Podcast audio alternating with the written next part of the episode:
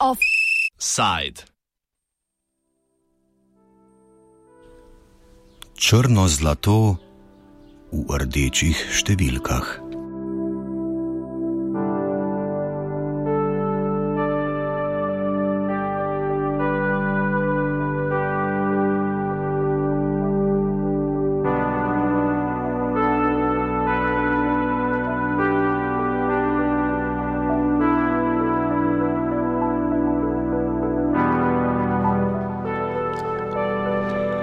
Ko so se države naftnega kartela OPEC pred približno dvema tednoma dogovorile za rekordno zmanjšanje proizvodnje nafte, so si verjetno težko predstavljale dogajanje na naftnih trgih v tem tednu. Najbolj burno je bilo v ponedeljek v ZDA, kjer je cena na borzi strmoglavila z že rekordno nizkih 11 dolarjev najprej na nič, na to pa vse do minus 37 dolarjev ali 34 evrov. To se ni zgodilo še nikoli. Naslednji dan je cena zrasla nad ničlo, na to pa se čez dan spet občasno spustila v rdeče številke. Kolaps cen iz ZDA se je na to začel širiti tudi drugot po svetu. Cene v državah OPEC-a, kot sta Irak in Nigerija, so tako padle za približno tretjino.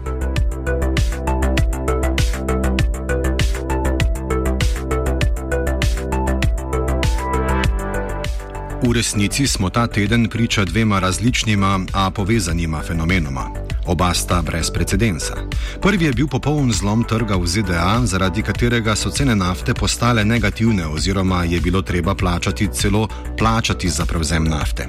To je bil najbolj dramatičen pokazatelj širšega dogajanja na trgu črnega zlata, kjer je v teh dneh zavladal precejšen kaos, saj se cene v nekaj urah gibajo bolj, kot bi se v normalnih razmerah v enem letu, in kjer med različnimi naftnimi borzami nastajajo velike raz razlike za primerljive proizvode.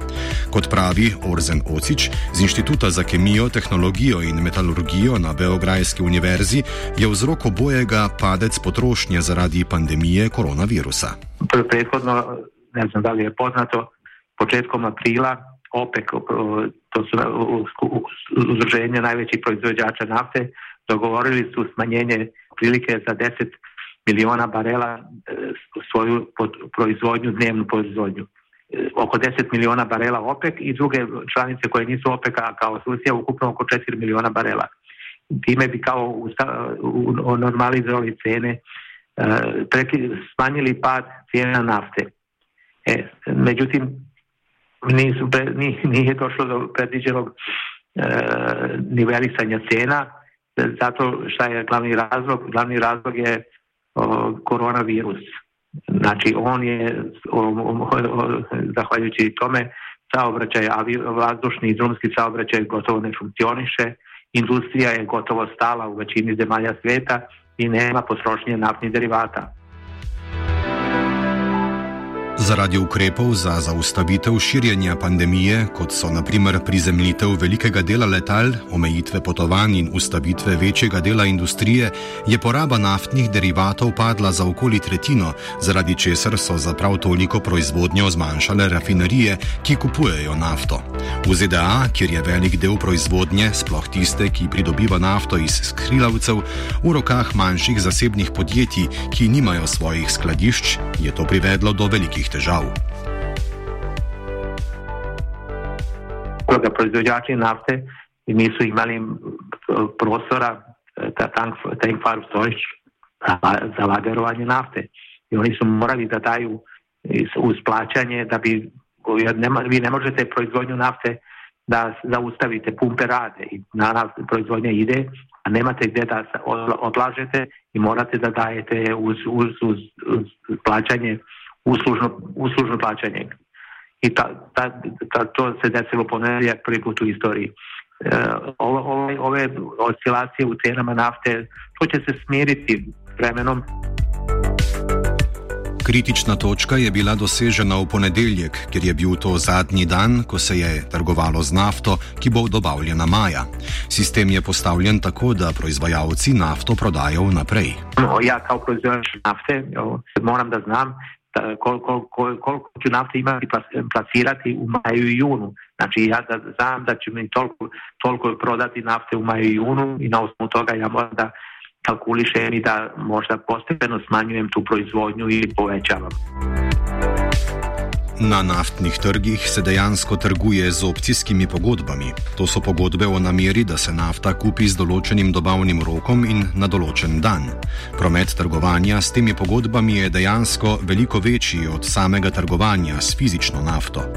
Večina trgovcev nima nikoli namena dejansko prevzeti nafte, za katero kupujejo opcijske pogodbe, pač pa je njihov namen te pogodbe prodati, še preden se je treba zavezati za prevzem in opcijske pogodbe poteči tečejo.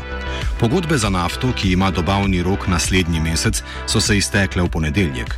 Vsakdo, ki je imel ta vrednostni papir še vedno v rokah v torek, je tako dolžan to nafto tudi fizično prevzeti. To pa pomeni, da morajo imeti kupci rezerviran tudi prostor za skladiščenje in prav tega je v ZDA zmanjkalo. Pravzaprav je v skladiščih nekaj prostora, a je ta zakupljen. Lastniki opcijskih pogodb so morali zato plačati zakupnikom tega najetega prostora v skladiščih, da so od njih prevzeli nafto. Nafta, ki ima dobavni rok po maju, je vse čas ohranila vrednost nad 20 dolarjev za sodček. A če bo proizvodnja še vedno močno presegala potrošnjo, se bo zgodba z negativnimi cenami nafte čez en mesec ponovila. Situacija je na daljši rok neuzdržna, saj je tudi pri 20 dolarjih na sodček večina ameriške proizvodnje nerentabilna. Proizvodnja, znači cena, realna cena proizvodnje je vse večja. Zato što su istraživanja skuplja, odnosno ide se na dublje prerade, na kompleksnije u Americi tu proizvodnje zudnih škriljaca i ta, ta cena realna, realna je nek, nekad bila između 10 i 15 dolara po barelu, sad je to između 20 i 25. Znači, ako vi prodajete vas, vas barel nafte koju proizvodite košta 25 dolara, vi ne možete, vi da bi ostavili neki minimalni profit, ne možete prodavati ispod 30 dolara. A sad ako padne ispod 25, znači vi nemate nikakav profit i zbog toga je to problematično. Ameriški predsednik Donald Trump je napovedal, da bo rešil ameriško naftno industrijo, ki zaposluje več kot milijon ljudi. A to bi bil zelo drag podvig. Razmerje med kapitalom in številom delovnih mest je namreč v nafti industriji više kot v katerem koli drugem gospodarskem sektorju. Zato je bil prvi ukrep države ta, da je povečala svoje odkupe za državne rezerve. Zbog toga, recimo, sad je Amerika dve stvari radi. Amerika prvo popunjava svoje rezerve, oni imaju velike podzemne stvari, pravi, E, ležišta nafte i prirodnog gasa koji su iscrpeli, to su predstavljaju i, neka njihova skladišta za, buduću, za buduće rezerve i oni popune ta skladišta i oni sve to rade, naravno jeftina cena, ali druga stvar je Amerika sad u problemu, pošto proizvodnja nafte iz uljnih škriljaca je, rekao sam, skuplja nego ova proizvodnja i oni, ta sad proizvodnja će vjerojatno da se, se zaustavi jer nema, nema rentabilnosti. Ubogi presežki nafte se torej sedaj kopičijo v skladiščih. Ker pa prostornina teh več kot očitno ne zadostuje, se vse več uboge nafte shranjuje na tankarjih. Več kot 15 odstotkov svetovne flote tankarjev za prevoz nafte se je tako že spremenilo v plavajoča skladišča. V njih je shranjenih več kot 150 milijonov sočkov uboge nafte, kar je dvakrat več kot v največjem ameriškem kopenskem skladišču v Oklahomi.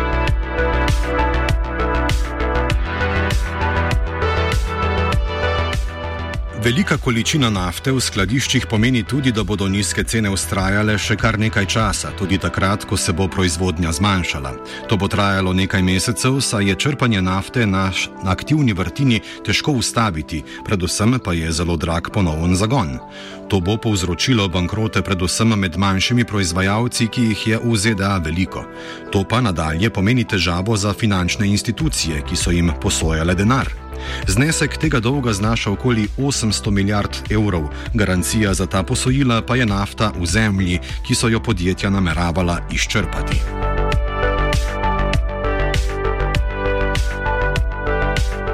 Po drugi strani pa nizke cene pomenijo, da bo pomen nafte kot energenta še naprej ostal močan. Ja, kad sam počeo raditi u naftnoj industriji pre 40 godina, onda su rekli uh, i čitao sam u literaturi da nafta ima još za 40-50 godina kao nestaće, kao naftni, kao izvor energent.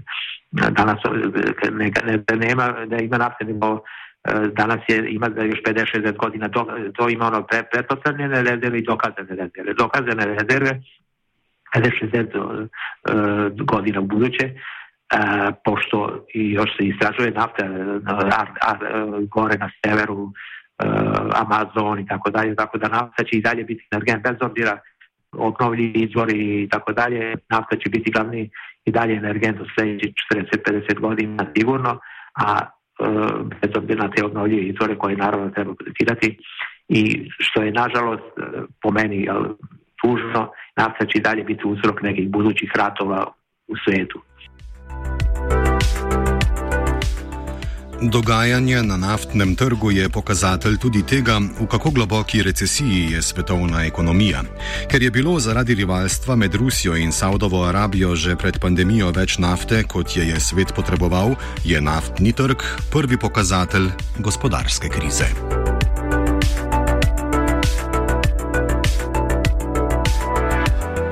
Naftne solze jočemo, tudi Gal, ki je pripravil offside.